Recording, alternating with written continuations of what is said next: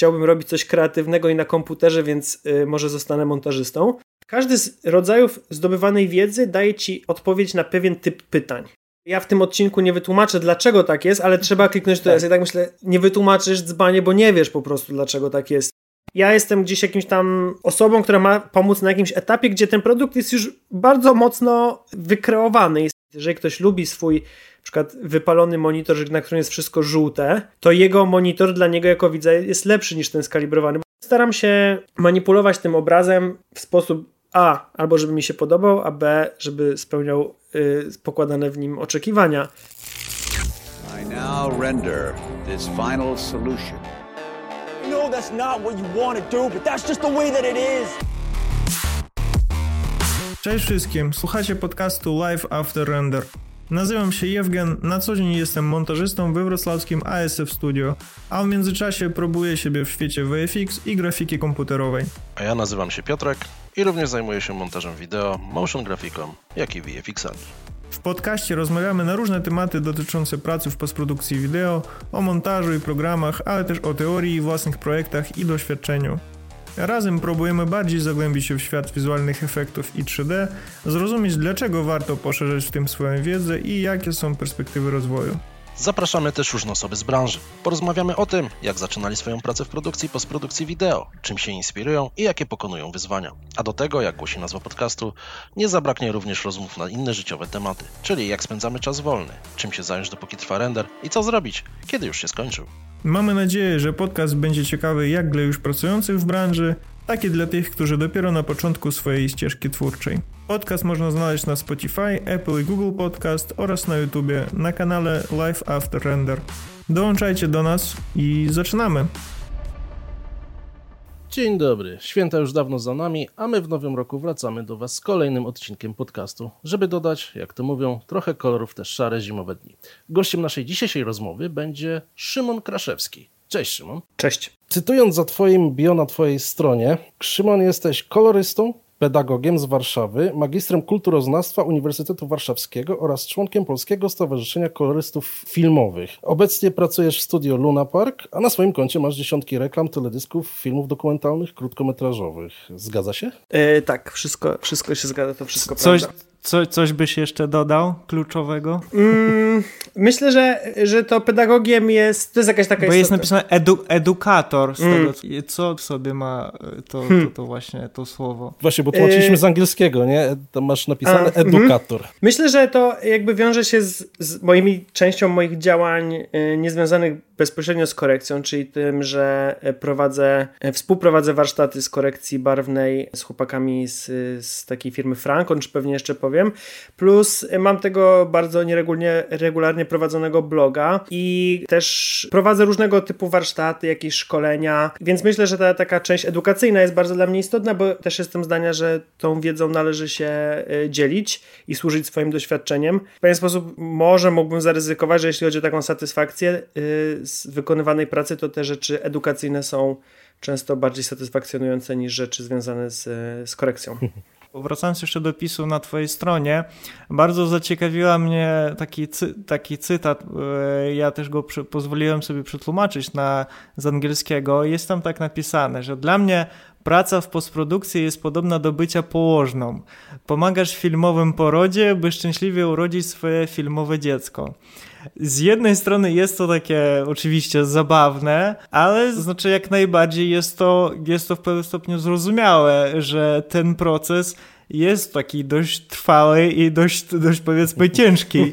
Czy mógłbyś coś jakoś tak rozwinąć jeszcze trochę ten cytat? Mm. Dlaczego właśnie tak użyłeś go? T tak, no wydaje mi się, że, że to jest w sumie gdzieś prawdą to, co jest tam napisane. Z drugiej strony też ma jakąś taką właśnie może jest jakoś tam zabawny czy chwytliwy, dobry do e, opisu krótkiego na stronie internetowej, ale wydaje mi się, że, że tak właśnie jest, jak tam jest napisane, że staram się swoimi e, umiejętnościami i poświęconym czasem i zaangażowaniem pomóc w tym, tym porodzie, na tym ostatnim etapie po preprodukcji, po produkcji, na końcówce postprodukcji. Szczególnie to dotyczy projektów może mniej komercyjnych, ale bardziej kom projektów, gdzie twórcy mm, realizują jakieś swoje bardziej autorskie rzeczy, czy chodzi okay. o filmy, filmy dokumentalne, czy, czy teledyski i czuję się, że wtedy jestem właśnie taką jakąś instancją, czy takim jakimś trybem w tym całym procesie, dzięki któremu jesteśmy w stanie doprowadzić ten, do szczęśliwego finału tę całą sytuację i, i, i, właśnie chcę w tym pomóc i, i, i zależy mi na tym, żeby ten film, który powstanie, krótszy, dłuższy,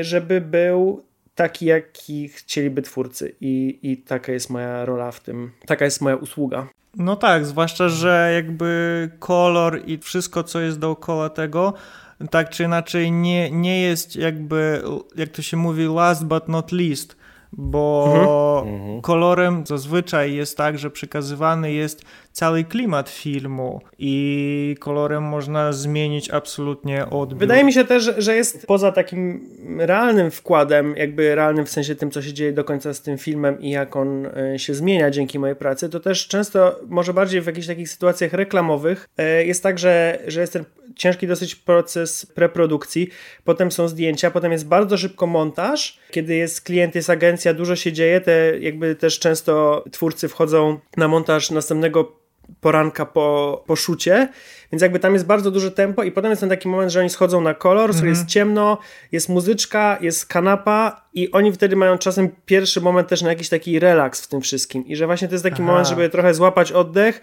i że nad tym wszystkim się zastanowić, móc zobaczyć w jakimś takim dużym skupieniu bez większej publiczności ten film, on zaczyna wtedy już być i w lepszej jakości, bo przechodzimy z plików proxy na, na pliki pełnej jakości, zaczyna się pojawiać jakiś kolor i on zaczyna nabierać jakiegoś takiego no, kształtu, który jest bliższy tej idei, która, która była na początku. I w tym znaczeniu też myślę, że ten kolor jest jakimś takim pierwszym takim oddechem e, po takim bardzo, po, po takim maratonie, właściwie maratonie sprintów różnych, które się po tych kilku sprintach mm. z rzędu, to jest taki moment, gdzie na chwilę siadamy, jest troszeczkę troszeczkę więcej czasu na coś i jest też więcej czasu na refleksję, na jakąś spokojniejszą rozmowę. Często e, twórcy, jeżeli były dużo, było dużo emocji, to jest taki moment, kiedy mogą no też tak. trochę się otworzyć, trochę jakby ten intymnej, prywatnej, gdzie jakby można o, o czymś tak po, po, prostu szczerze porozmawiać bez, y, kiedy mogą się spotkać osoby, które zdają sobie sprawę z realiów pracy w tej branży i jakby myślę, że to jest też taki jakiś i, I, może, być, może być istotny moment w tym całym procesie. I osobiście ja lubię tę rolę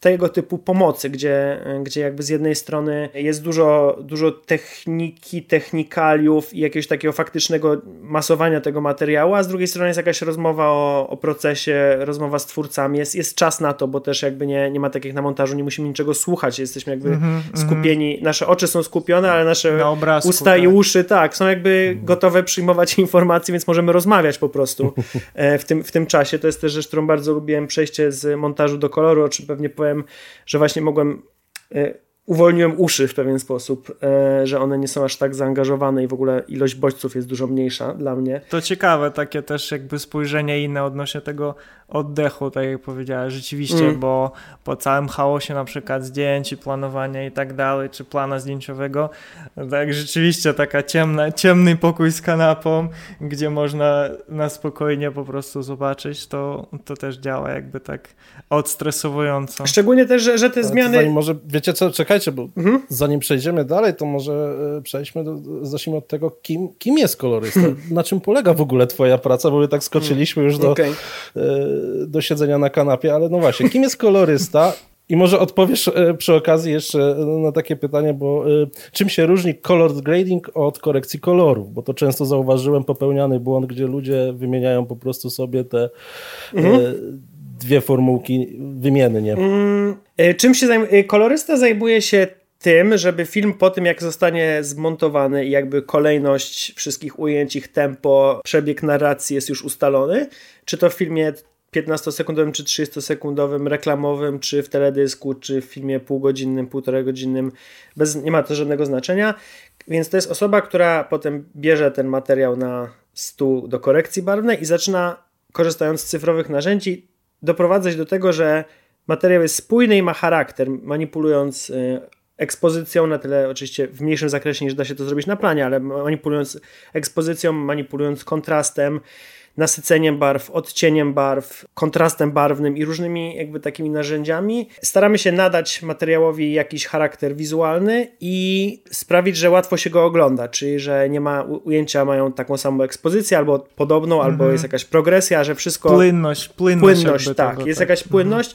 Nie zajmujemy się wkładaniem rzeczy w obraz, których tam nie było, albo wyjmowaniem jakichś elementów, które E, które tam mm, były, a ich nie chcemy. nie, nie, dodajemy napisów, e, nie robimy animacji, Te, tymi rzeczami zajmują się inne osoby, my zajmujemy się tylko kontrastem, tak naprawdę kontrastem, nasyceniem i odcieniami i, i ekspozycją. I to jest, i, mhm. i, i, tym się zajmują koloryści. Natomiast jeśli chodzi o to rozróżnienie na, na kolor, korekcję i na grading i takie mm, rzeczy, ja wydaje mi się, że, że rozumiem to, dlaczego część osób chciałaby to rozdzielać, natomiast w moim procesie i w sposobie, jaki ja pracuję, y, to jest jakby ciągłe przechodzenie między tym, czym mogłoby być bardziej kolor korekcja, czyli balansowaniem ujęć i równaniem ekspozycji, a gradingiem, czyli bardziej jakąś taką działalnością kreacyjną, gdzie, gdzie bardziej szukamy jakiegoś nastroju. I ja to robię jakby też. Agresywną zmianą taką tak, w niektórych. Tak, tak, tak. Jakimś takim bardziej kreatywnym wkładem, jakimś takim mocniejszym zaznaczeniem charakteru. Ja te rzeczy właściwie przeplatają się w mojej pracy non-stop, jakby zaczynam od czegoś, przechodzę gdzieś dalej, wracam i jakby to jest takie ciągłe przepychanie i przeciąganie liny, więc to nie ma tak, że pierwsza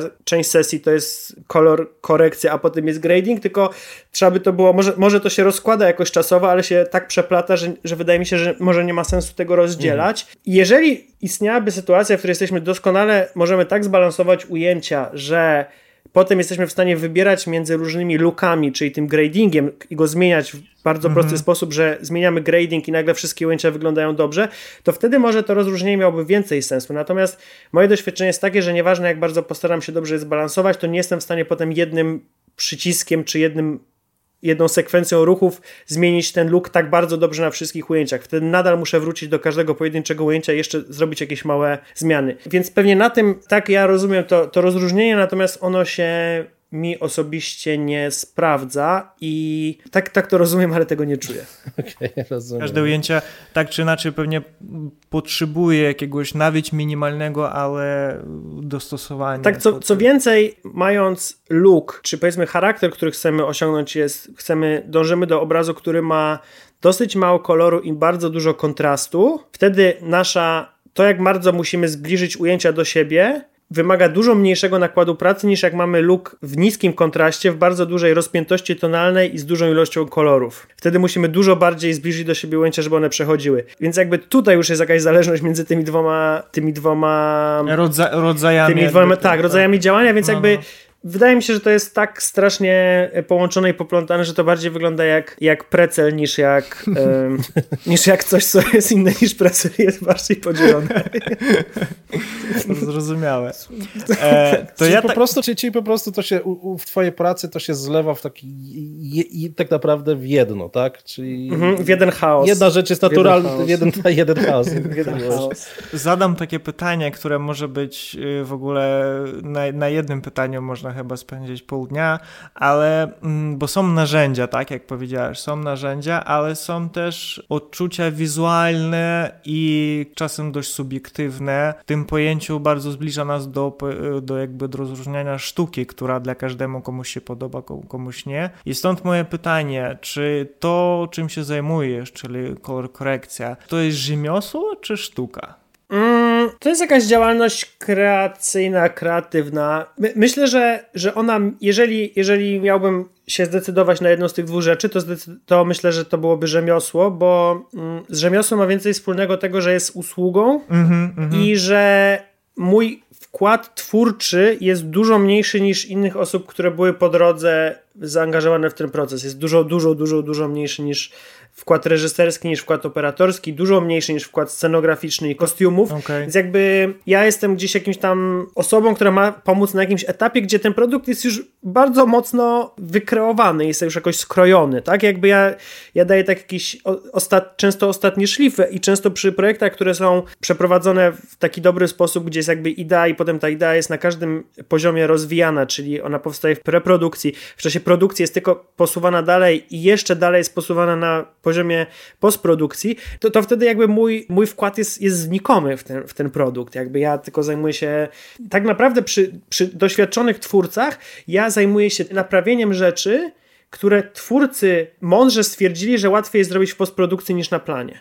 Czyli szybciej będzie mi dołożyć maskę z prawej strony przyciemniającą, niż w tej wielkiej przestrzeni przyjść z flagami mm, i próbować tak, wysłonić tak, to tak, miejsce tak, tak. na planie. I że, mi, I że efekt w tym krótkim ujęciu tak naprawdę można to oszukać w postprodukcji zwykłą maską, której zrobienie zajmie minutę albo 10 sekund, no tak. niż stawianiem tam iluś standów, tak jakby flag i wysłanianiem jakiejś przestrzeni. I są projekty, rzadko, bardzo, ale są, gdzie, gdzie jakby ja właściwie nic nie muszę robić i czuję się jak oszust, bo, bo właściwie nie, zrobię, nie zrobiłem nic, a szybko zrobiliśmy pracę, potem siedzimy i, no i, i to jest jakby rzadko, ale bywają takie, bywają takie pro, projekty, które są super satysfakcjonujące i wtedy to jest naprawdę jakieś rzemiosło i z niewielkim, niewielkim wkładem i ja jestem w pełni świadomy tego, że pracuję w usługach i moje zdanie jest istotne, ale nie jest jakoś szczególnie ważne.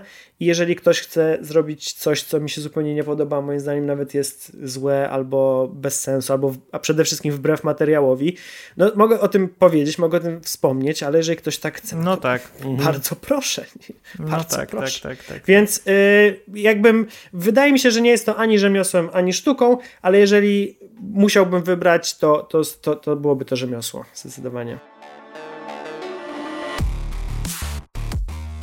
Szymon, no to przy okazji zapytam, bierzesz czasem udział w etapie preprodukcyjnym albo produkcyjnym?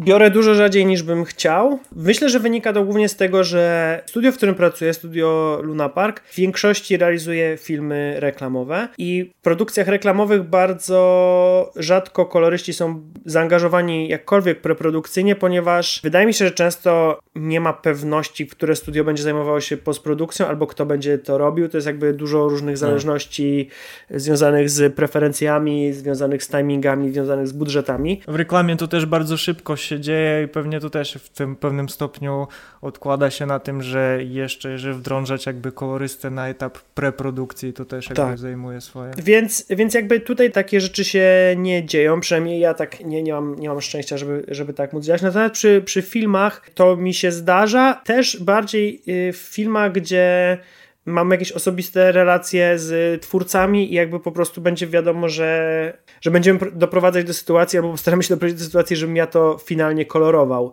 I wtedy, wtedy zdarza mi się tak pracować. Teraz y, w tym roku będzie miał, y, myślę, mam nadzieję, w miarę niedługo na jakichś festiwalach film, y, gdzie byłem tak dosyć mocno zaangażowany. Preprodukcję do tego stopnia, że razem z operatorem stworzyliśmy taki dokument, w którym były różne fotografie, różne kolory, cała paleta kolorów, opisy tych kolorów i pewne pewnych nasze opisy zdjęć, które zamieściliśmy i co nam się w nich podoba. I ten dokument został wysłany do y, scenografii i do kostiumów przed, dużo, dużo przed zdjęciami, żeby na jego podstawie powstawały te, te rzeczy. Na tyle oczywiście, na ile to było możliwe finansowo, czasowo i, i, i, koncepcyjnie. Natomiast taki dokument powstał i feedback był taki, że to było jakieś dobre i wygodne mm, dla nich narzędzie, żeby, żeby móc się od czegoś odbić i, i, to jest jakiś sposób taki na komunikowanie jakiejś idei i tego, jak, jak one powinny być wyegzekwowane. Czyli taki, nie wiem, jak to moodboard, lookbook, jakoś tak się nazwać, mhm. tak jakby ogólnie. Coś takiego, ale to było już z bardziej takim konkretem, że jeżeli korzystamy z barw, to one, jeżeli te kolory są wyraźne, to żeby były w takich, a nie innych odcieniach, żebyśmy mhm. dla tego konkretnego mhm. bohatera poszukali kostiumów takim, takiego, a nie innego, unikali tego czerwonego koloru w ubraniu, szczególnie na dużych płaszczyznach i tak dalej, i tak dalej. Więc tam było trochę takich wytycznych, które chcieliśmy to napisać i, i, myślę, że to się jakoś powiodło w taki sposób, gdzie jak najwięcej chcemy opowiedzieć o, o tej palecie barwnej, którą chcielibyśmy zarejestrować, ale żeby to nie było na tyle szczegółowe, czy na tyle wykluczające niektóre rzeczy, żeby zostawić swobodę osobom z Departamentu Scenografii i Kostiumu, tak, żeby tak, one tak, to tak, wykreowały, tak, ale w tak. oparciu o jakiś kierunek, który został spisany i jakby te też, też jakby właśnie te takie, potem zrobiliśmy takie pacze kolorów i one, one jakby były też ich wartości RGB podane, więc każdy mógł sobie je e, potem odtworzyć w łatwy sposób, jakby zobaczyć, czy nie wiem, rzeczy, które w internecie wybiera, czy cokolwiek, czy one jakby mniej więcej się zgadzają, żeby jakby to, to można było jakby z tego skorzystać. I, i taka praca jest super przyjemna. Natomiast myślę, że, że bardziej to jest domena filmów fabularnych i też takich produkcji, gdzie status twórców pozwala na to, że oni podejmą decyzję, z kim będą chcieli współpracować i mogą tę współpracę po prostu zacząć wcześniej i nie są zdani na, na wybór, który zapadnie za ich plecami. Ale z, z tego, co, co, co słyszę, to chciałbyś chyba mieć większy wkład. Dobrze zrozumiałem? Mm, jakby ja mam olbrzymią przyjemność z szukania referencji, oglądania różnych rzeczy, przegadywania, dużą łatwość w tym, żeby dać bardzo dużo złych referencji po to, żeby wiedzieć, co jest niedobrym kierunkiem i często jakby daję rzeczy, które są, mi się wydają, że są bardzo niedobrą referencją, ale to jest bardzo dobry sposób, żeby sprawdzić, czy się dobrze rozumiemy i czy ten faktycznie tego nie chcemy, tak? Bo czasem łatwiej jest powiedzieć, czego się nie chce, niż coś, co się chce, mm -hmm, albo łatwiej mm -hmm. jest to mhm. wskazać. Mm -hmm. Więc jakby zbiór złych referencji też jest, y, też jest dobry. Lubię te referencje dostawać i lubię jakby je analizować i zastanawiać się, co w nich jest fajnego, ale jakby jak to osiągnąć, też wydaje mi się, że umiejętność komentowania referencji jest bardzo ważna, a często ludzie tego nie robią i wysyłają jakieś fotki i trzeba się domyślać, a czasem wystarczy komentarz, że podoba mi się jaki tu jest kontrast, albo podoba mi się jak tu jest ciemno, ale że jeszcze coś mm. widać, tak? Albo podoba mi się jak, jakie skupienie jest na bohaterze, albo, poda, albo bardzo jakieś mm. konkretne rzeczy, tak? Podoba mi się ten odcień niebieskiego i czasem jedno zdanie do referencji jakby pozwala to wszystko rozszyfrować i jakby łatwiej jest ten działać. Więc ja lubię szukać tych referencji i czasem się, czasem się staram i, i jakby zawsze zgłaszam chęć do takiego działania, do przygotowywania lutów, do rozmowy o tym, czym luty są i dlaczego często się je stosuje w sposób nierozsądny, może można było tak powiedzieć. I, i jakby to, to, to, jest też jakby część mojej wiedzy, którą chętnie się y, mogę podzielić, głównie tutaj jakby z pionem operatorskim, którego jakby takie takie, takie rzeczy interesują, ale, ale też, też jakieś moje takie zaangażowanie przy różnego typu testach, to, to bardzo to lubię i jeżeli jest tylko czas, to, to zapraszam zawsze na to. Jeszcze, jeszcze moment przy referencjach,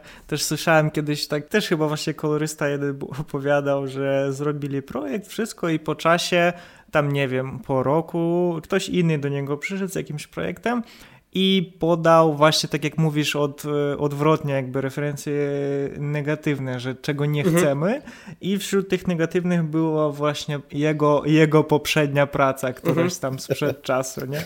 Tego, tego właśnie nie chcemy, więc no okej. Okay. Znaczy, ja, ja, myślę, że w ogóle nie ma w tym żadnego, żadnego problemu, bo jakby to no pokazuje, tak. czego, czego się nie chce, bo coś, choćby dlatego, że to nie pasuje do tego filmu, tak? Jakby, bo to nie chodzi tak, o to, że tak, to jest tak. złe, to chodzi o to, że no. jeżeli to nie było popatrzone komentarzem, że nie chcemy takiego gówna, to, to jakby wszystko jest, jest, jest okej. Okay, no tak, to już i, konkretnie. E, tak, jakby po prostu to chodzi o to, że, że to jest zbyt jakieś, tak? I po prostu, a ten, do tego filmu to nie pasuje. Ten film jest na przykład dużo bardziej delikatny, albo jest dużo bardziej, musi być e, zniuansowany, tak? Albo właśnie może by, musi być dużo, dużo, dużo ostrzejszy i wyraźniejszy i ma być taki E, agresywny w swoim charakterze. I no jakby wiadomo. I myślę, że moje prace się pojawiają w dwóch typach referencji. Czasem jest super miło, jest super miło jest dostać e, buklet z referencjami do jakiegoś projektu, gdzie są już wcześniej zrobione przeze mnie rzeczy. To jest super miłe i myślę, że właśnie ze względu na to, że nie do końca zawsze wiadomo, co jak będzie się działo z kim i kiedy, to myślę, że tu nie ma takiego, takiego miłego zagrania i takiego, takiego o, damy do tego bukletu coś od niego, bo okay, będzie miło. Okay. Tylko, że to się po prostu dzieje, bo to się dzieje dużo, dużo wcześniej, jeszcze nie, na poziomie mm. też w ogóle jeszcze treatmentów, czyli te osoby nawet nie wiedzą, czy w ogóle wygrają to, więc mm, dają coś, co im się mm, wydaje po prostu, że chyba jakoś tam o czymś mówi. Więc czego wszystkim y, życzę i o co sam dbam i staram się to robić, y, żeby mieć dosyć dużo dystansu do swojej pracy i się nie przejmować jakoś szczególnie. Nie mówię, że jestem w tym mistrzem, ale staram się o tym pamiętać. To nawet bycie negatywną referencją wtedy jest bycie dobrą referencją, bo wie się czego nie zrobić. Tak, no właśnie bo bardzo mi się spodobało to o tych negatywnych referencjach, bo zazwyczaj jak się myśli o referencjach, to e, myślimy o tym, co chcemy, jak, jak, co chcemy uzyskać, a rzadziej o tym, czego w sumie byśmy nie chcieli, prawda? No. Ale y, teraz tak naprawdę to zadam inne pytanie. Chciałbym wrócić do Twoich początków y, w sumie, czyli jak to się stało, że w ogóle zostałeś kolorystą? Jakie były Twoje początki w branży? Moja droga jest, myślę, dosyć, można by powiedzieć, jakoś tam typowa. Wydaje mi się, że czytając to, jaka była droga kolorystów różnych, z różnych części świata, do, jak, jak oni dochodzili do tego miejsca, w którym są, to dosyć często gdzieś po drodze był montaż i u mnie też był montaż wcześniej. To była moje pierwsze, e, moja pierwsza praca w postprodukcji.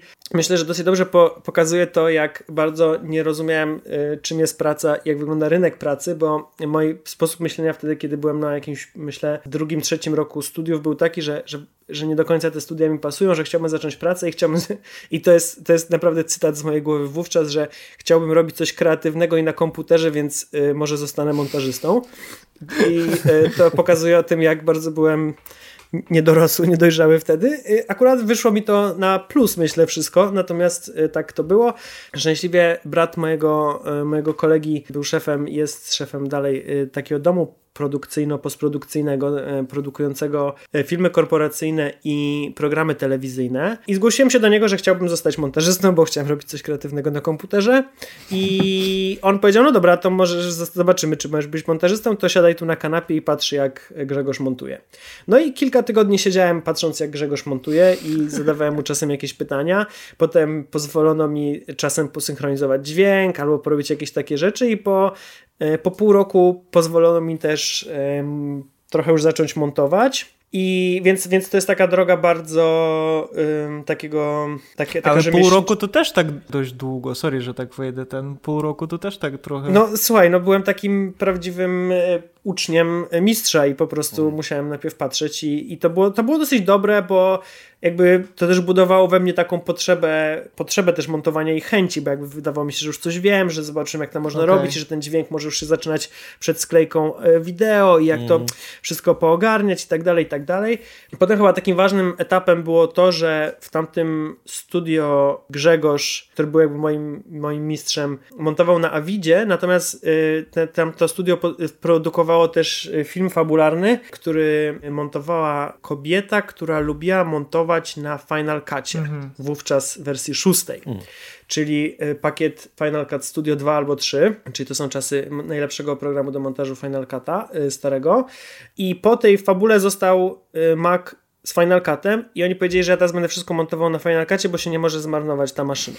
Przede wszystkim doprowadziło to do tego, że, że, że potem skorzystałem z jakichś filtrów, które tam były i nagle odkryłem, że jest jak, jak Freeway Color Corrector i że można czymś manipulować, a potem w ogóle, że jest taka cała osobna aplikacja, która nazywa się Apple Color, która jest w tym i jakby zacząłem się tym bawić i w pewnym momencie już wydawało mi się, że to jest w ogóle dużo ciekawsze, ta cała postprodukcja i to, co można robić z tym obrazkiem. Jakoś nigdy samo z siebie mi nie wychodziło takie rzeczy, które bym wtedy nie wiedziałem, że się tak nazywają, ale teraz bym je nazwał online'owymi działaniami i, i jakoś ten kolor mi się wydawał fajniejszy, bo gdzieś tam się wydawało mi, że to jest jakoś związane z postprodukcją taką, jaką się robi przy zdjęciach i to jakoś wszystkie te rzeczy mi się wydawały dużo jakoś bliższym, bliższym i, i jakoś łatwiej mi było się w tym poruszać. I potem jest taki kolejny moment, kiedy moja dziewczyna skończyła swój film na koniec któregoś roku w szkole w Katowicach i wtedy filmy z Katowic były kolorowane w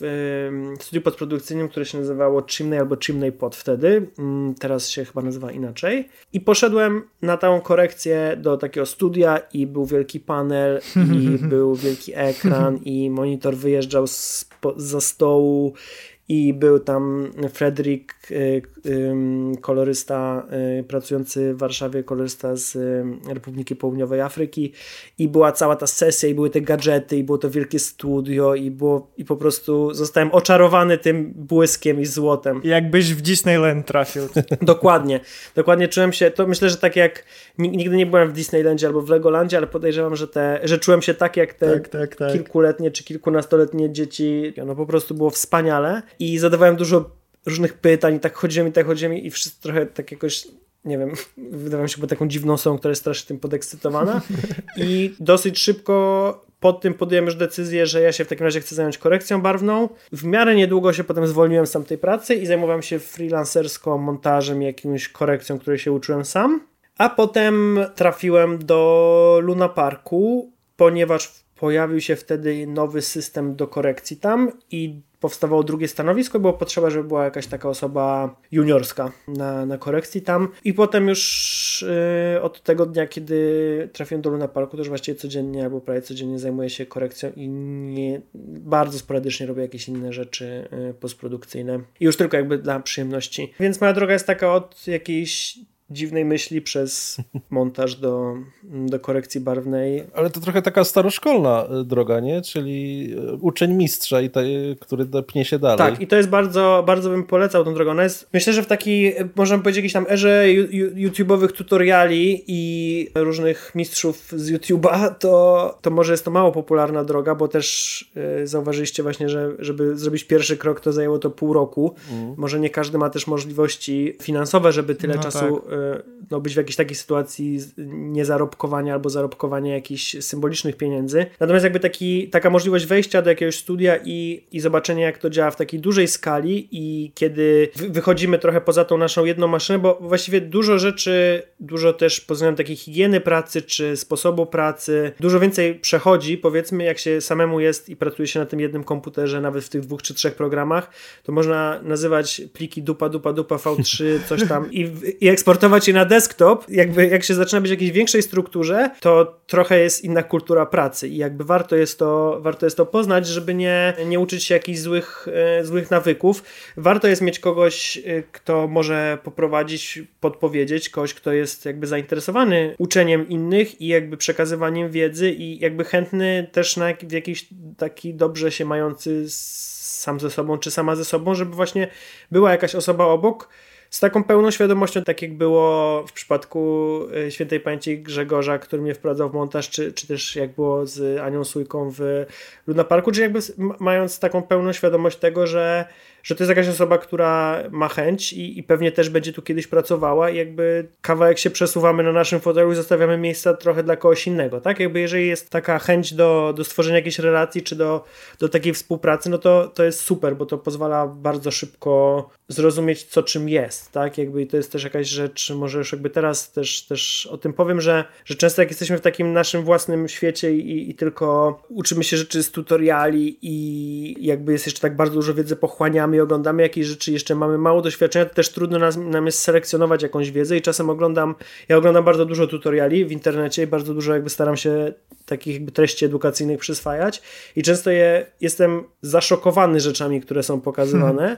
bo jakby one są tak nieużyteczne w skali dnia często, czy miesiąca, czy roku, albo są tak na okrągło, albo są tak nieprawdziwe i tak naprawdę nie mają sensu, że jakby to jest przykre, bo ludzie z małym doświadczeniem, czy nie będący w jakiejś większej strukturze, bardzo mocno mie nawet nie wiedzą, że to, mhm. tak, i one nawet nie wiedzą, że to jest jakby złe, czy to jest jakby niemądre i zaczynają jakby przyswajać dużo takich rzeczy, więc wejście w jakąś taką relację e, mistrz, uczeń, mistrzyni, uczennica, jakakolwiek by to była forma. Takiego rodzaju men mentorstwa też może, może tak Tak, powiedzieć. to jest ekstra, bo po prostu bzdury są odsiane automatycznie, mm -hmm, tak? Mm -hmm. Jakby widzimy jak to działa i co działa i dlaczego coś działa. Jeżeli się jeszcze trafi na kogoś, kto ma chęć przekazywania tej wiedzy i potrafi to powiedzieć, albo w ogóle jest zaangażowany, no to jest to coś, coś wspaniałego i wydaje mi się też, że w mniejszej lub większej skali bywałem tej relacji mentorem. I z jednej i z drugiej strony. Ja mam, ja, tak, ja miałem olbrzymią przyjemność bycia w tym mentorem i tego widzieć, jak ta osoba, z którą współpracuję, jak, jak ona reaguje na te rzeczy, jak -hmm. ona się uczy, co ona widzi, jakby i tak dalej. To jest bardzo, bardzo też jakby przyjemne.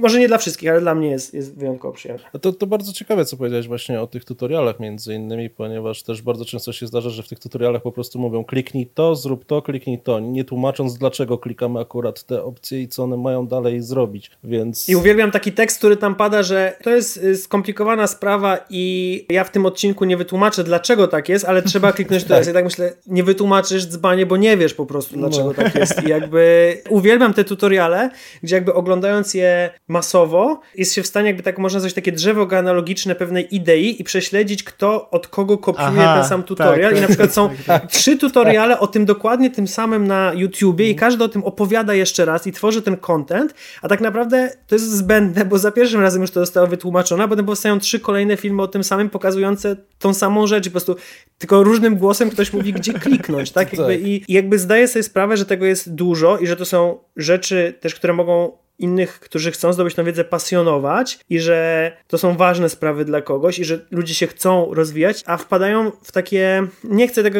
może tak nazywać brzydko, ale bardzo trudno jest odsiać rzeczy wartościowe od, od jakichś, które są błędne albo szkodliwe nawet. Te lajki czy dislajki, jeżeli ludzie z małą wiedzą lajkują film kogoś, kto ma małą wiedzę, to czy ich opinia na plus czy na minus jest. No tak, to tak. Ciężko, ciężko odróżnić. Tak. I jeżeli też przychodzisz z tą małą wiedzą, to ciężko ci zrozumieć, o fajny, jest dużo lajków, dużo wyświetleń, pewnie no, gościu no, no, wie, co mówi, no, no i dokładnie. ja tego posłucham, tak. ale później to się tak. wszystko kumuluje i wychodzi na to, żeby jest filozofia klikania, a nie ma filozofii tłumaczenia jakby takiego...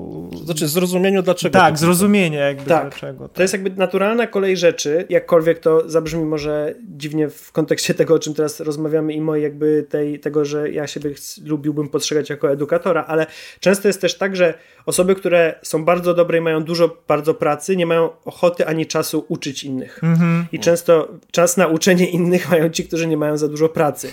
Jakby i ja mam nadzieję, że gdzieś to jestem w stanie pogodzić. Chciałbym tak myśleć. Wydaje mi się, że, że czasem są jacyś tacy guru korekcji na YouTubie i mam wrażenie, że oni nie mają czasu pracować, bo oni cały czas robią te tutoriale po prostu tylko i oni jakby powstają z próżni tak naprawdę, bo oni nie, nie, ma, nie korzystają ze swojego doświadczenia, tylko z jakichś rzeczy, które są wymyślone, a jakby spotkanie się z realną sesją gradingową z klientem i z ludźmi, że siedzi za, za tobą parę osób i nie wszyscy są tym zainteresowani. Część już rozmawia o przyszłych projektach, część rozlicza poprzedni projekt i mhm. ktoś coś mówi, mówią trzy osoby i mają inne zdania, a ty masz ograniczoną liczbę czasu i tak naprawdę ten materiał nie jest wcale dobrze nagrany, no to naprawdę większość y, super trików z YouTube'a no, nie działa wtedy. No to no, niestety wtedy prawda. Jest, wtedy są proste narzędzia, szybkie działanie. Wtedy trzeba trochę inaczej jakby o tym wszystkim myśleć i inaczej działać i wyrabiać sobie jakieś narzędzia jakby systemy pracy, które pozwalają pracować szybko. I jakby to jest też rzecz, która była dla mnie super ważna. Wydawało mi się, że właśnie patrząc na to, jak pracuje Ania, czy jak pracuje Fred i inni koloryści, że ja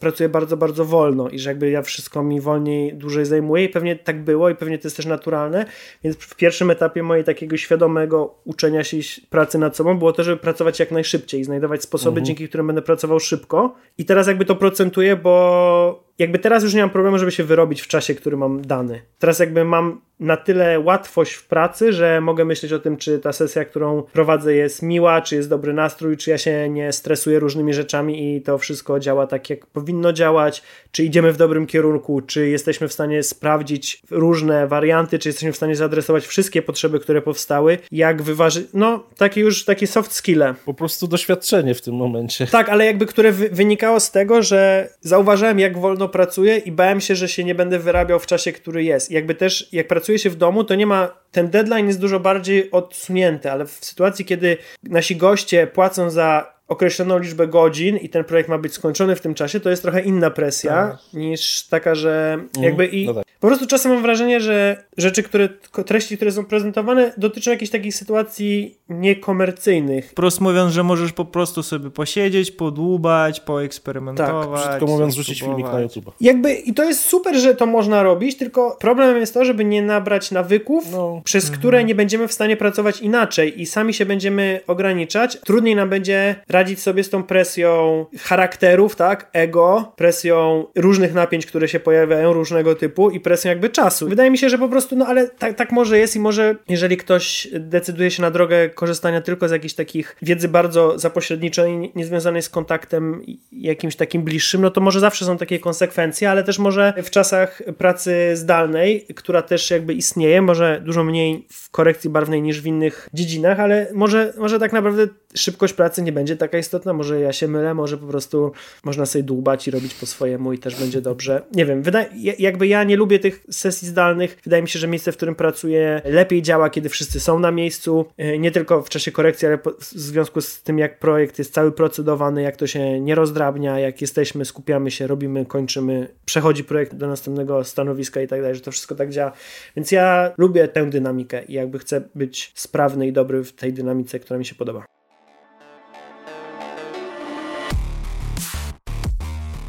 Chciałem trochę wrócić do tych, e, co powiedziałeś o youtuberach, ale generalnie w większości odpowiedziałeś już jakby na to pytanie, też chciałem odnośnie tych kursów i tak dalej. Dobrym podejściem jest takie, że każdy z rodzajów zdobywanej wiedzy daje ci odpowiedź na pewien typ pytań. Na przykład ja bardzo często korzystam z YouTube'a i dostaję tam dobre odpowiedzi, ale głównie po to, jeżeli chcę wiedzieć, jak działa jakieś narzędzie konkretne. Konkretnie jakieś pytanie, które mm. musisz tak. znaleźć odpowiedź. Co to jest Magic Mask, z którego ja nie korzystam na przykład w Resolve, czyli taki rodzaj rodzaj automatycznego ROTO, powiedzmy, co, co, Mhm, maskowania, tak? Jest, jest jakiś taki Magic Mask, tak? Jest na przykład, jak działa Magic Mask, albo czy coś się zmieniło, albo jest jakiś teraz taki nowy Sky Replacement, czy Match Move, jak działa, jakieś, jakieś takie rzeczy, tak? Na przykład chciałem to, to jest bardzo konkretne zapytanie, mogę dostać bardzo konkretną odpowiedź. Potem jest taki rodzaj edukacji, która jest jakby jakieś lepiej skrojone kursy, które opowiadają o jakimś problemie i, i to jest jakby też, jesteśmy się w stanie coś nauczyć, podpatrzeć jakieś triki. Natomiast potem jest taki najlepszy moim zdaniem rodzaj kursów, oczywiście one są naj, obarczone największym kosztem, nie tylko finansowym, czyli ko- jakiś rodzaj szkolenia jeden na jeden, czy w małych grupach, No tak. gdzie jakby można z kimś porozmawiać, ktoś może na bieżąco odpowiedzieć na jakieś pytania, kiedy jest przekazywana jakaś wiedza, która jest poparta doświadczeniem, jest w jakiś sposób skrojona, żeby w zaplanowanym czasie móc o czymś opowiedzieć i przedstawić jakiś, jakiś problem.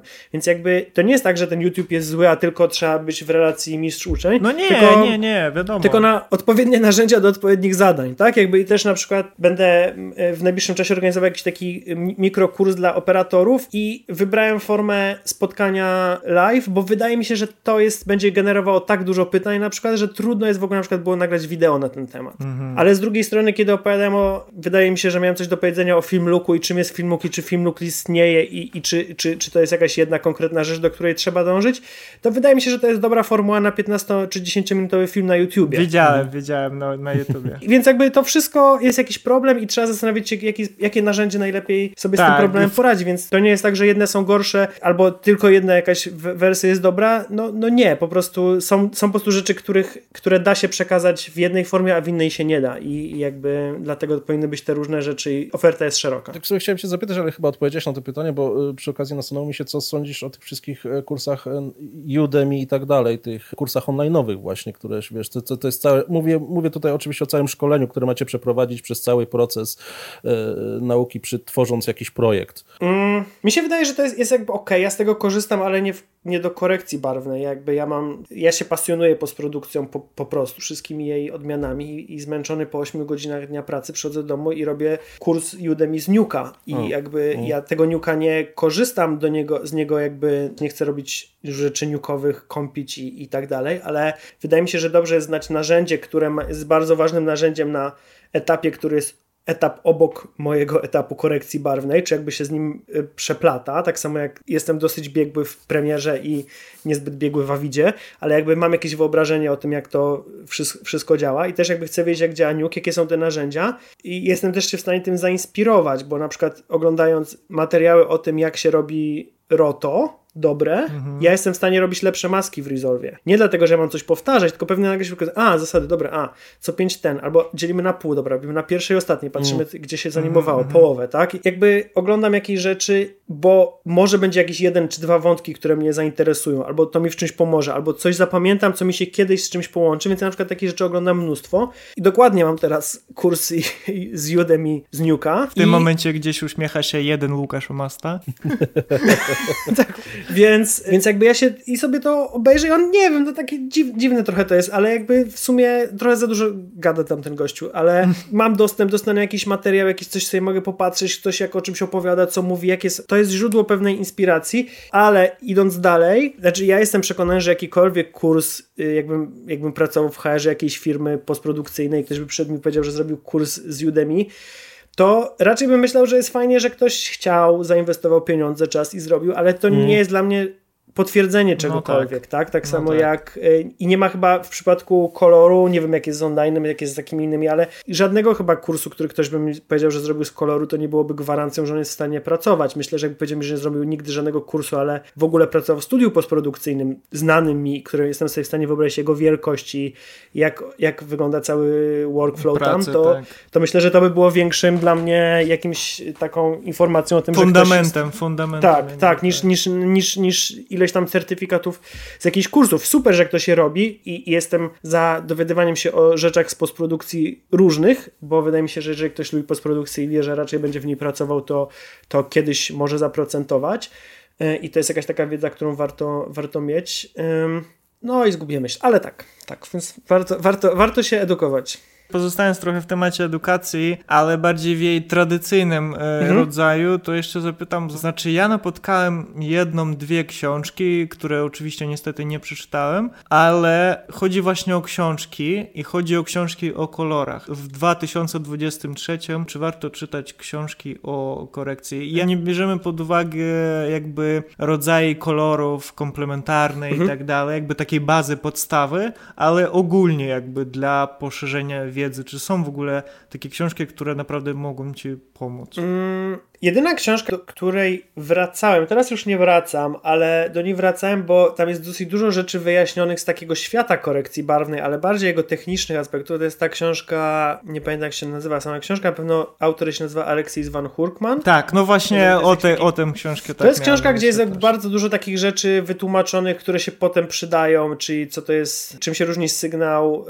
y, legal od full, tak, czyli to, co się nazywa tam wideo, albo czasem, mm albo jakoś inaczej. To jest takie dobra książka, którą warto mieć, że ją napisał ktoś, kto się, kto się na tym zna, to wie, co pisał, to jest zaleta i jakby wydaje mi się, że trochę już jak ktoś napisał książkę, to nie jest już magikiem z YouTube'a. Znaczy w sensie, to już byłby taki odważny ruch, jak to jest, mo może, może minimalnie to sprawia, że ktoś jest jakiś bardziej jakoś legitymuje tutaj tą, tę postać, tak? Jakoś, że, że to jest jakieś coś, że może to ma jakieś więcej trochę sensu, ale więc ta książka jest spoko i można do niej zajrzeć, jak jest jakiś problem, którego się nie rozumie, albo jakieś takie zagadnienie, żeby się sprawdzić, zorientować. To jest dobre. Natomiast jeśli takie książki bardziej w jakimś takim ujęciu historycznym albo filozoficznym, to ja ich miałem parę i je przeglądałem i nigdy czytałem, przeglądałem, ale one jakby zawsze mnie, mam, miałem wrażenie, że to jest takie bardzo, bardzo teoretyczne i że jakby ja nie jestem pewien, czy ja w taki sam sposób na to wszystko reaguję. Nie wiem, jakoś miałem wrażenie, że, że, że wolałbym sam jakieś rzeczy popróbować, czy zobaczyć, mm -hmm, jak wyglądały mm -hmm. jakieś sceny w jakichś filmach i w jakiś taki sposób zacząć myśleć w tym kolorze i byłby zbierać te informacje. I myślę, że, że dużo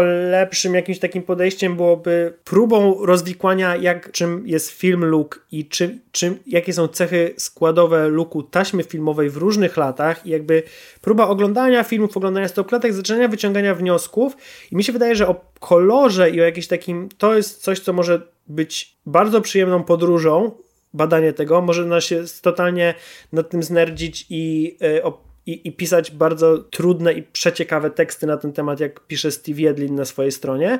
Albo można do tego podejść trochę bardziej luźno i na jakimś takim mniejszym, bardziej powierzchownym poziomie się tym zająć, ale że na przykład tak jakby eksplorowanie koloru pod względem historycznego, jakby wykorzystania koloru w -hmm. filmie, mm -hmm. wydaje mi się, że jest lepsze niż o teorii koloru. Jest taka, znowu taka książka polskiej autorskiej, której nie pamiętam w tej chwili, w ogóle o kolorach, ma taką niesamowitą okładkę, taką srebrzystą, połyskującą. Tam jest jakby, to jest o różnych aspektach koloru i to jest jakby takie po prostu ciekawe, żeby trochę w tym być, jakoś się może po tym pozastanawiać, ale jakoś ja tego takiego połączenia nie czuję. Wydaje mi się, że one często się pojawia w jakichś takich zestawieniach, że są te książki, ja tak czytałem, je przeglądałem, ale nigdy miłością do nich nie zapałem. Okay. One jakby ze mną nie, nie, nie, nie rezonują no, okay. po prostu. Okay. Przykro mi niestety. No, słuchaj, porozmawialiśmy o twojej drodze, porozmawialiśmy o, o kursach i szkoleniach różnych, to, to, czas e, porozmawiać trochę o narzędziach, na jakich pracujesz, czyli hmm. E, programach. No, wspomnie, wspomniałeś już, że zaczynałeś tak jako montażysta na Avidzie, potem był, był Mac. E, no właśnie, na czym pracujesz w tej chwili i jakie zmiany zauważyłeś w podejściu do pracy z kolorem przez te wszystkie lata? Jeśli jakiekolwiek były w ogóle. Teraz pracuję na DaVinci Resolve, jak pewnie większość y, osób y, zajmujących się korekcją barwną w Polsce. Miałem to szczęście, że to jest już czwarty program, na którym pracuję. Y, przedtem pracowałem właśnie w tym kolorze, który jakoś tam można powiedzieć, że był profesjonalny. Pracowałem jeszcze w Scratchu i w Nukodzie. I Ciekawe jest jakby oglądanie to, jak działają inne programy, jak rozwiązują pewne problemy, jakie są ich interfejsy, co w nich działa dobrze, co w nich działa źle. I, i to też jest, też dlatego lubię oglądać tutoriale, jak się jakieś rzeczy robi, albo jak działają jakieś programy inne niż ten, z którego korzystam, bo można się zainspirować, że tam są jakieś narzędzia, których może nie ma w Resolve, albo można coś zrobić podobnego, albo można sobie skonstruować z trzech różnych narzędzi coś, co zadziała podobnie, albo... Czasem zmiana punktu widzenia, nie? Na jakiś problem na przykład, tak. albo jego mm. rozwiązanie. I nie wiem, czy, to, ja, czy ja to wymyśliłem, czy ja to pamiętam, że tak, że tak było, ale wydaje mi się, że był taki wywiad z Rezą z Wutan Clanu, który opowiadał o tym, że każdą swoją płytę robił tak, że kupował nowy sprzęt zupełnie, że tam raz miał jakąś MPC-tkę, potem kupował jakiś sampler Rolanda, czy jakieś inne, czy jakieś e, EMU, czy coś tam, jakieś różne, różne maszyny i różne narzędzia, bo miał wrażenie, że to, że musi się zmierzyć z innym, innym narzędziem, które działa w inny sposób, powoduje, że jakby odświeża się jego sposób myślenia o czymś. I, mm, no. i wydaje mi się, że to jest, to jest jakoś tam fajne. Natomiast jeśli chodzi o, o, o, taki rozwój tych aplikacji, to, to wydaje mi się, że dopiero niedawno te update'y Resolve'a dodawały jakieś narzędzia do korekcji. Przedtem jakoś bardziej było, powstała ta zakładka CAT, y, która chyba daje możliwość jakiegoś takiego mm -hmm. szybszego montażu, ale y, nie znam jej za bardzo. Były jakieś montażowe, że jakby wydawało mi się, że dużo jest, że jakby ten, ten, ten core tego programu jest, jest, jest, jest związany z korekcją, a że, że teraz był czas przez ostatnie kilka lat na rozwijanie tego wszystkiego, co jest obok tej, tej korekcji. Czyli montażowe rzeczy. E, ostatnio jakieś, mm. tak, jakiś ten, jak doszedł Fairlight, Fusion i tak dalej, trzeba było to wszystko dobrze zintegrować i, i to pewnie trochę czasu zajęło. Niestety też moje doświadczenie jest takie, że narzędzia dosyć, te nowe rzeczy działają średnio. Takim dobrym przykładem jest taki, to jest już jakieś od kilku lat, jest taki OFX, czyli OFX to jest taki zestaw narzędzi, typ jakiegoś takiego pluginu, które są wewnętrznie w Resolve, ale też jakby OFXy to są takie narzędzia, które można jakby w tej formie doinstalowywać do, do Resolve'a.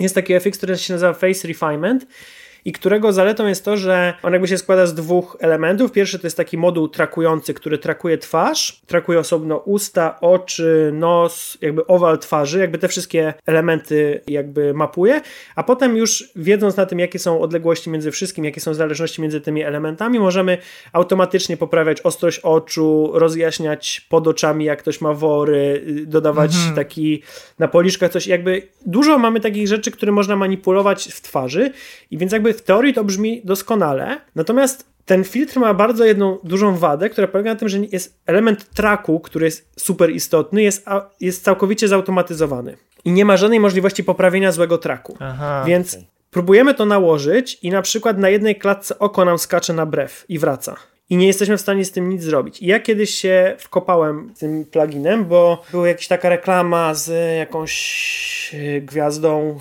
e, gdzie, gdzie była potrzeba trochę, żeby pomóc jej cerze, jakieś tak dalej. No wiadomo, Słyszałem o tym pluginie, zacząłem go tak używać.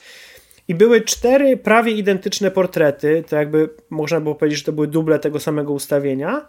I zacząłem na pierwszym działa, na drugim działa, na trzecim działa, na czwartym w ogóle nie mogłem w stanie tego dobrze strakować. I w trakcie sesji muszę powiedzieć, sorry, musimy się z tego wycofać, bo ja nie jestem w stanie, za... narzędzia, które ja sam zaproponowałem, nie jestem w stanie użyć w pełni. Mm. I jakby i to jest taki zgrzyt, po pierwsze straci się czas, po drugie jest jakby jakaś taka dziwna sytuacja, dlaczego czegoś nie no mogę tak. zrobić, a trochę to działało, jakby nie wiem, czy to jest sens tłumaczyć wtedy to wszystko i tak dalej. To są znowu takie narzędzia, które czasem działają na w jednym, na jednym ujęciu działają doskonale, a na innym nie działają, no to, to, to niestety przy jakiejś takiej długiej pracy mam wrażenie, że po prostu trzeba je zaliczyć jako narzędzia niedziałające.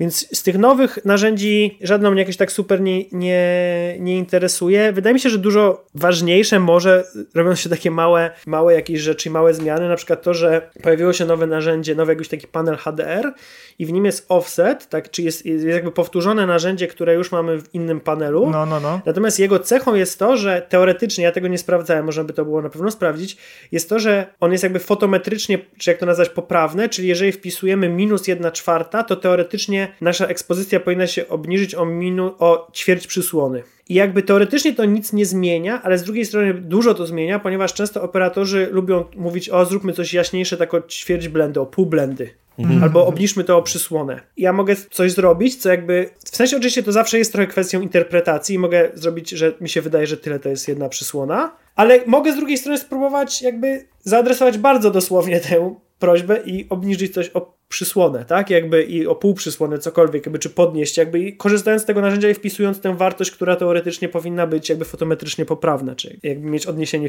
do świata fizycznego. Więc wbrew pozorom jest ileś tam nowych fixów i supermasek i tak dalej, ale mi się wydaje, że na co dzień może taka mała zmiana w tym jednym narzędziu, tej skali przepisanie, żeby ona jakby była zgodna z, z tym, co jest w świecie, jest, jest dużo ważniejsze, więc prawdopodobnie dwa lata temu korzystałem dokładnie z tych narzędzi, których korzystam teraz. Mm. Jakby to nie jest tak, tak, że ja też nauczony doświadczeniem jestem dosyć konserwatywny, jeśli chodzi o update'y w pracy i też nie, nie jestem z tych, co pierwszego dnia instalują update nowej wersji i tylko raczej instaluję wtedy, kiedy muszę, bo na przykład długo byliśmy na wersji 17, ale i wszystko z nią było ok, bo była stabilna, yy, najstabilniejsza od, od iluś wersji wcześniejszych i właśnie właściwie się pracowało dobrze. Wiedziałem, że jest 18, że są jakieś narzędzia, które może są spoko, ale, mm, ale bez przesady. No ale zjechał, zjechały zdjęcia z planu, gdzie była użyta nowa kamera ARI i ona była i nie wspierana w starej wersji 17, dopiero w nowej 18 i to był jakby wymuszony upgrade w to środku. ta 35, w środku tak? nocy. ARI 35? Tak, ARI 35, Mhm. e, Alex, e, Alexa 35. Alexa ARI 35. Aha. Tak, no jakby musieliśmy w nocy zrobić update po Oj. prostu, bo, bo nie było wyjścia. I też z drugiej strony, jak ma się Resolve'a na laptopie albo w czymś, to, to jakby może jest to mniejszy problem, ale jak ma się dwa stanowiska, oba muszą mieć tę samą wersję, mają wspólną bazę danych. No właśnie. Y, W każdym komputerze są inne karty, które muszą mieć update y, sterowników do y, NVD Mhm. tak dalej, i tak dalej. I więc nagle się okazuje, że to, co u mnie w domu na laptopie jest bardzo proste, w jakiejś większej strukturze nie jest trudne albo niemożliwe, albo cokolwiek, ale jednak wymaga kilku innych ruchów i zaangażowania innych osób, bo ja też tego fizycznie, ja też tego nie, nie robię. Mhm. Więc chyba bardziej niż rozwój tego jednego konkretnego narzędzia, wydaje mi się rozwojowo podpatrywanie, jak działają inne narzędzia, bo tam po prostu są jakieś ciekawe rozwiązania. Nie słyszałem o tych e, poprzednich programach, co, co mówiłeś, aczkolwiek wiem, że jest jeszcze jeden taki gracz na rynku jako Baselight, jeżeli się nie mylę. Mm. Tylko, Mm, tylko tak, no właśnie, właśnie tak pokrótce ty- tylko chciałem zapytać, czy miałeś styczność z tym programem?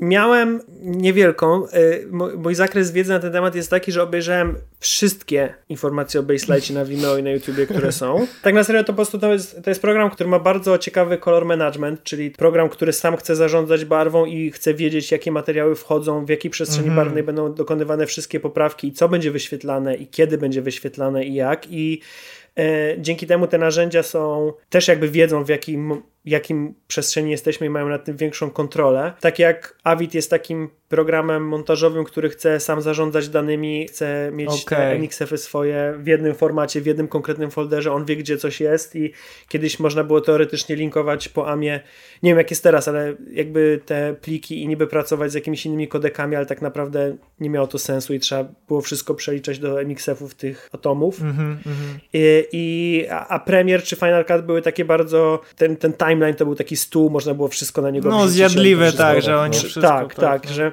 i, I w pewien sposób Resolve też jest takim programem bardzo otwartym, bardzo dużo tam można wwalić i, i jakby to wszystko będzie działało, a Baselat chce mieć dużą kontrolę nad tym, co, e, co jest. I to jest jakby takie środowisko też. I jest to program, który ma, wydaje się, że bardzo dobrze działające podstawowe narzędzia. Ma parę narzędzi fajnych, takich bardziej dotyczących jakichś detali, tego jak można zmiękczać highlighty, różnych takich ma cech trochę. Ma niezbyt wygodne kwestie konformowe i montażowe, coś co jest w Resolve super wygodne i jest bezkonkurencyjny w porównaniu do innych programów pod tym względem. No więc obejrzałem wszystko o Baselightie, teraz od jakiegoś czasu istnieje taka wersja Baselight Look, która jest darmowa, ma pełną funkcjonalność i jedynym ograniczeniem jest to, że eksport jest tylko do QuickTime'ów H264 w HD, Mhm. więc jakby trudno jest to i nie jest to po to, żeby wykorzystywać to do końca komercyjnie, ale można sobie wszystko, wszystko posprawdzać i staram się z tego korzystać, jakoś tak się, się, tym, się tym bawić. Ten próg wejścia do tego programu jest, no jest bardzo, bardzo wysoki. Chyba dość i- wysoki, no właśnie. i wydaje mi się, że teraz też jest z wczoraj czy z przedwczoraj taki artykuł, gdzie jakby ta kwota jest podana. E, Baselight też w odróżnieniu od, od Resolve'a właściwie wszystkich innych programów albo w większości programów jest, e, jest systemem sprzedawanym e, jako software hardware, czyli cenie, którą, którą wam podam jest e, komputer. Mhm. E, Najtańsza wersja to jest, to jest jakaś, to jest, to jest Linux na bazie stacji roboczej HP Okej. którego wydajność jest prezentowana jako maszyna do swobodnej real-time'owej pracy do 4K i to kosztuje 50 albo 60 tysięcy funtów Okej. bez No. panelu i bez supportu i update'ów. Aha. To jest jeszcze do tego jest abonament ten. No Więc okej. jakby po, poziom wejścia jest, i to jest najtańsza z możliwych wersji, która jest.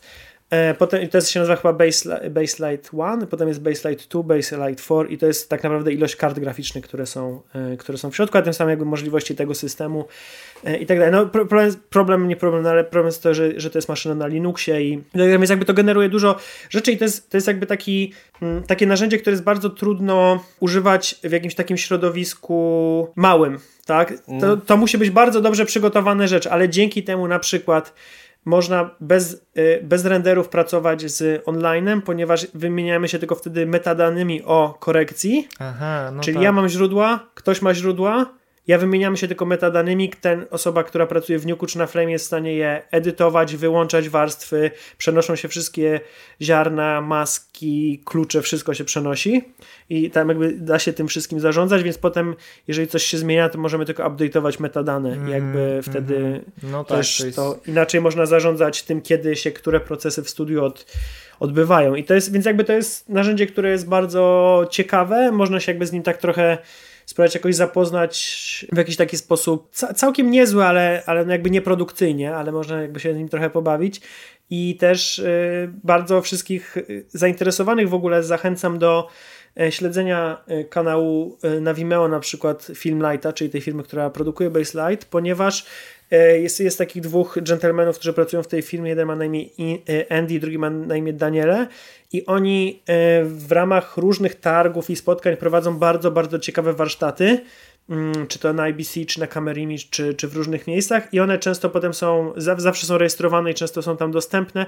I one dotyczą spraw ogólnych, przedstawianych na podstawie Baselighta, czyli znowu jest to wiedza, która jest adaptowalna w różnych Y, systemach walutowych, że tak powiem, i w różnych systemach, natomiast jakby jest może, może jakiś jej fragment nie jest, ale jakby generalnie pewne idee, o których oni mówią są związane z tym, jak ludzie postrzegają świat, z tym, jak e, działają różne przestrzenie barwne, jak to jest implementowane, jakie są tego wady, zalety, jak, e, jakie są cechy składowe luków. Bar bardzo, bardzo dużo ciekawych różnych rzeczy, więc bardzo to polecam i, i nawet dla najbardziej zagorzałych użytkowników wszystkich innych programów niż Baselight tam jest dużo ciekawych informacji. Kontynuując, byliśmy przy temacie kart graficznych i hardware'u, mhm. jakie macie w studio i bonusem do tego, jakbyś nam opowiedział trochę o panelach tego Blackmagicu. Mhm. Czy to co było wtedy, jak mówiłeś, że wszedłeś do tego Disneylandu i tam wszystko się świeci i jest to są ogromne panele. Czy masz teraz podobnie, mógłbyś powiedzieć, że masz podobnie u siebie w studio, gdzieś tam w pewnym stopniu, po pewnym czasie? Jak w ogóle wygląda sprawa ze sprzętem? Stacje robocze do korekcji barwnej, jeżeli... Wydaje mi się, że jeżeli monitorujemy sygnał w HD i nasze timeliny są w HD, to te komputery nie muszą być takie mocne, aż jakby się wydawało. Departament 3D w Luna Parku zdecydowanie ma mocniejsze maszyny, albo część maszyn jest dużo mocniejsze, bo, bo te moce obliczeniowe są, tam jest no większe właśnie, zapotrzebowanie tak, na tak. to i e, więc jakby pod tym względem to, to jest, jest to coś dużo bardziej wymagającego niż montaż, niż komputery do montażu w proxy, natomiast jakby to też nie jest coś niesamowicie mocnego potrzebne. To jest taki, taki średnio wyższa półka, powiedziałbym, jeśli chodzi o taki rozkład tego, jakie komputery gdzie, gdzie są. Wydaje mi się, że posiadanie dobrej, współczesnej karty graficznej zawsze można cache'ować, to nie jest jakby problem. Ja też korzystam z cache'u, e, bo mi zależy na... Mam, mam duży dysk i zależy mi na real time, więc... Na płynności, się, no tak. E, tak, więc, więc mogę, mogę cache'ować. Jeśli chodzi o, y, o panele, to, to do Resolve'a są trzy panele Blackmagica i chyba jeden, czy no, może jakieś kilka jakichś, jakichś takich paneli innych, ale, y, ale Blackmagic robi tak dobre panele, że nie warto chyba szukać jakichś rozwiązań firm trzecich.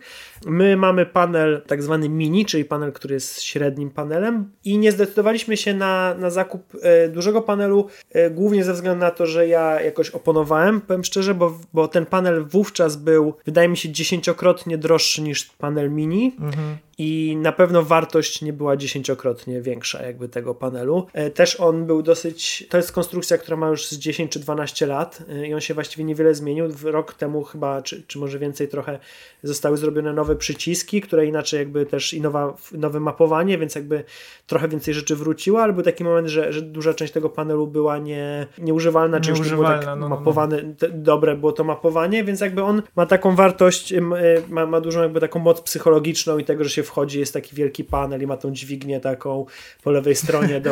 no do, do, do, do właśnie Szymon, a wytłumacz pokrótce czym jest ten panel, bo to nie wszyscy mogą wiedzieć. Więc panel jest narzędziem do obsługi programu, który żaden panel nie dodaje jakiejkolwiek funkcjonalności, która której jest jakiś czegoś ponad to, czego można było korzystać bez panelu, czyli to nie dodaje żadnych opcji, dodaje możliwość manipulowania tymi narzędziami, które tam są. I y, po prostu niektóre rzeczy są bardzo prostych, dobrych miejscach koło siebie łatwo można korzystać mhm. i panel ma jakby dwie cechy. Pierwsza jest taka, że niektórych bardzo trudno z tych parametrów takich jak lift, gamma gain czy shadows, midtones, highlights, czyli tego, tych tak zwanych kulek, tak? Jakby takich, mhm. tego trudno jest korzystać myszką. To jest bardzo niewygodne. Mhm, to jest właściwie tylko dobre do robienia z, pane, z panela jakiegokolwiek, więc jakby trochę panel daje możliwość tego, że mamy lepszą możliwość sterowania częścią narzędzi, nie wszystkimi, bo na przykład krzywe dużo lepiej się obsługuje moim zdaniem myszką niż jakimkolwiek panelem. Daje możliwość szybszej pracy, bo dużo rzeczy jest pod ręką i daje przede wszystkim to, co jest ważne w panelu, dlatego ważne jest, żeby mieć jakikolwiek panel, myślę już na pewnym etapie, podaje możliwość pełnego skupienia na monitorze referencyjnym, gdzie jest obrazek, który kolorujemy, bez konieczności patrzenia się na drugi monitor, czy dobrze klikamy myszką w dobrym miejscu, tak? Czy jakby no tak. jest jakaś pamięć mięśniowa i wszystkie rzeczy robimy nie odrywając wzroku, czy jakby te zmiany, które się dzieją, jakby lepiej możemy, możemy monitorować, więc, e, więc panel jest, jest po prostu jakby przedłużeniem, takim jest, jest takim fizycznym interfejsem tego, tego programu i myślę, że te stopnie są dosyć dobrze rozwiązane i ten panel najmniejszy daje już bardzo dużo i te wszystkie najbardziej potrzebne rzeczy, potem panel mini daje jeszcze trochę więcej, a ten panel Advanced jest takim, no... No już to tutaj... już rozwiązania totalnie, globalnie takie studi wielostudijne jakby. Wydaje. Tak, ale jakby, jakby no my, my nie zdecydowaliśmy się na to po prostu, bo, bo wydaje mi się, że te pieniądze można dużo lepiej wydać. Zarządzić, niż, no niż tak, tak, ten tak, panel, tak, tak. tak. E, natomiast jakby i tak kluczem i, i, i, tym, co jest najważniejsze w tej całej, e, w tym całym układzie jest e, monitor referencyjny, skalibrowany monitor referencyjny, do którego sygnał doprowadzony jest poprzez kartę wideo. Mhm. Słuchaj, tak, tak zadam jeszcze takie pytania, dwa w sumie, żeby nie, nie zapomniał. Pierwsze to właśnie też tak prosto dla kogoś, kto nie do końca rozumie o co chodzi. Jaka jest różnica między skalibrowanym monitorem, a nieskalibrowanym monitorem? Bo wiesz, mówimy o tej okay. kalibracji. Oczywiście y, zakładamy, że na skalibrowanym monitorze będziemy mieli odwzorowanie barw y, tego wszystkiego w jak najlepszy sposób. Natomiast czy jest zauważalna różnica? jeśli dla, dla, dla widza na przykład, o, pod tym względem, jeśli będzie oglądał ten sam materiał na skalibrowanym, nieskalibrowanym monitorze. Skalibrowany monitor to taki, w którym, który odwzorowuje prawidłowy sposób sygnał, który jest mu podawany. Czyli jeżeli mu podajemy czerwień, która jest pełną czerwienią, czyli tam będzie miał 255,0 i 0, to on wyświetli nam coś, co jesteśmy w stanie zewnętrznie, przykładając do niego urządzenie zmierzyć, że on wyświetla to. Mhm. Czyli to jest monitor, który jest w stanie pod względem nasyceń, odcieni, jasności, e, wszystkie kolory, odcienie szarości umiejscowić w tym miejscu, gdzie one powinny być. Czyli, że czerń jest czarna, biel jest biała, a nie jest biała i lekko niebieska, mhm. że nie mamy jakiegoś ogólnego czy, czy szczegółowego przesunięcia. Natomiast czy dla zwykłego widza będzie to różnica? E, nie, w tym sensie nie, że e, ten obraz nie będzie obiektywnie wyglądał lepiej, tylko on będzie wyglądał tak, jak ktoś chciał, żeby on wyglądał. Więc jeżeli ktoś lubi swój na przykład wypalony monitor, na którym jest wszystko żółte, to jego monitor dla niego jako widza jest lepszy niż ten skalibrowany, no bo tak. wszystko wygląda tak, jak on jest mhm. przyzwyczajony od lat do oglądania. Więc jakby kalibracja jest jakby ściśle związana z y, obiektywnością, tak? Jakby, czy jeżeli ktoś to nie jest tak, że te rzeczy będą wyglądały lepiej. One będą wyglądały tak, jak zostało zamierzone, żeby mm -hmm. wyglądały. Mm -hmm. Więc. Więc, no, więc ja nie wiem, czy to jest, czy to jest lepiej. No, dla mnie lepiej, bo ja się staram, żeby coś było jakieś, a nie zupełnie mhm. inne, więc pod tym względem wolałbym, żeby ludzie oglądali to na w miarę dobrych nośnikach, ale też nie będę jakimś tutaj jakimś faszyzował tutaj i, i po prostu odmawiał rozmowy z ludźmi, którzy na przykład nie oglądali tego na skalibrowanym monitorze. No jakby nie. Natomiast jeżeli ktoś ma ambicje tworzenia jakichś filmów i chce, żeby pewna intencja, odbyła się jakiś proces korekcji barwnej, bardzo prosty lub bardzo skalibrowany, jeżeli chce, żeby ta intencja była przekazywana, to musi to być y, zrobione przynajmniej na skalibrowanym monitorze, bo na to mamy wpływ. To jak ktoś to będzie oglądał, na to mamy dużo mniejszy wpływ, ale jesteśmy w stanie zrobić tak, że mhm. stworzyć ten materiał w taki sposób, że my przynajmniej wiemy, że ten niebieski to jest niebieski, a nie turkus albo tak. nie fiolet, tak? Jakby, no. że, że tu się nie pomyliśmy, że, że to jest taki, jaki my to widzimy. Właśnie, bo powiedziałeś o QuickTime, że nie jest najlepszym y, formatem do podglądu, tak? Y, jesteś w stanie znaczy, rozwinąć ja to trochę? Ja mam mam bardzo dużo jakby problemów z tym. Też nie chciałbym się w to zagłębiać, bo to jest y, trochę wiedza, która jest, się szybko przeterminowuje i to jest zawsze też, to są też rzeczy, których ja nie lubię w edukacji, czy nie lubię informacji z krótkim terminem przydatności, mm. tak? Nie interesuje mnie jako osoby edukującej opowiadanie o najnowszych funkcjach. Więc jakby też w ogóle trudno mi będzie o tym powiedzieć, ale spotkałem się kilkukrotnie z tym, że QuickTime szczególnie na, no nie wiem czy w ogóle jest na Windowsie jeszcze QuickTime w jakiejś takiej formie, ale QuickTime na e, komputerach Apple powoduje, że on nie jest. Czasem, czasem jakby się chciał wyeksportować plik, który jest REC 709 Gamma 2.4, to on będzie miał prawdopodobnie tag 1.2.1, którego QuickTime nie rozumie i nie wie, co to jest, i on potrzebuje tagu 1.1.1 chyba. Coś takiego jest. Nie, tak mi się wydaje. W każdym razie QuickTime prawdopodobnie pokaże to w złej gamie, bo według tagów, których on się spodziewa, on, on dostaje yy, gamę, którą jest nieopisana.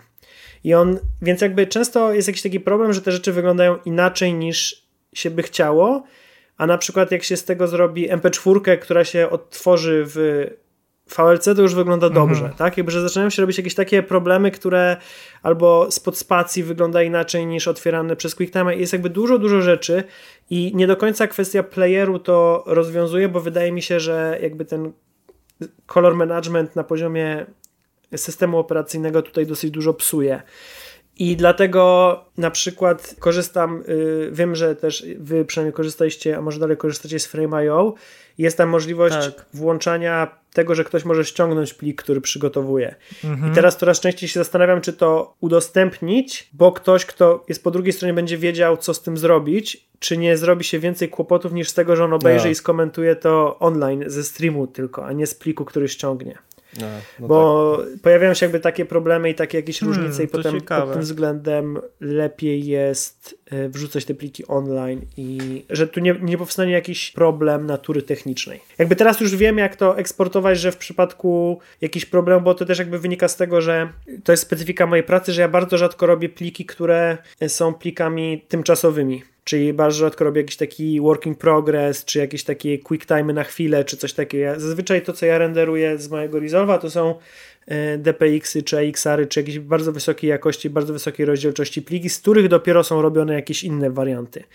Więc, ale czasem mi się zdarza, że muszę coś zrobić i wtedy właśnie jest jakaś taka sytuacja, mm. że wolę to robić online lub jest taki jeden sposób eksportowania z, z Resolve'a, który wydaje mi się, że daje dobre, dobre rzeczy, czyli jest ten tak nic nie wiadomo co znaczące oznaczenie REC 709A.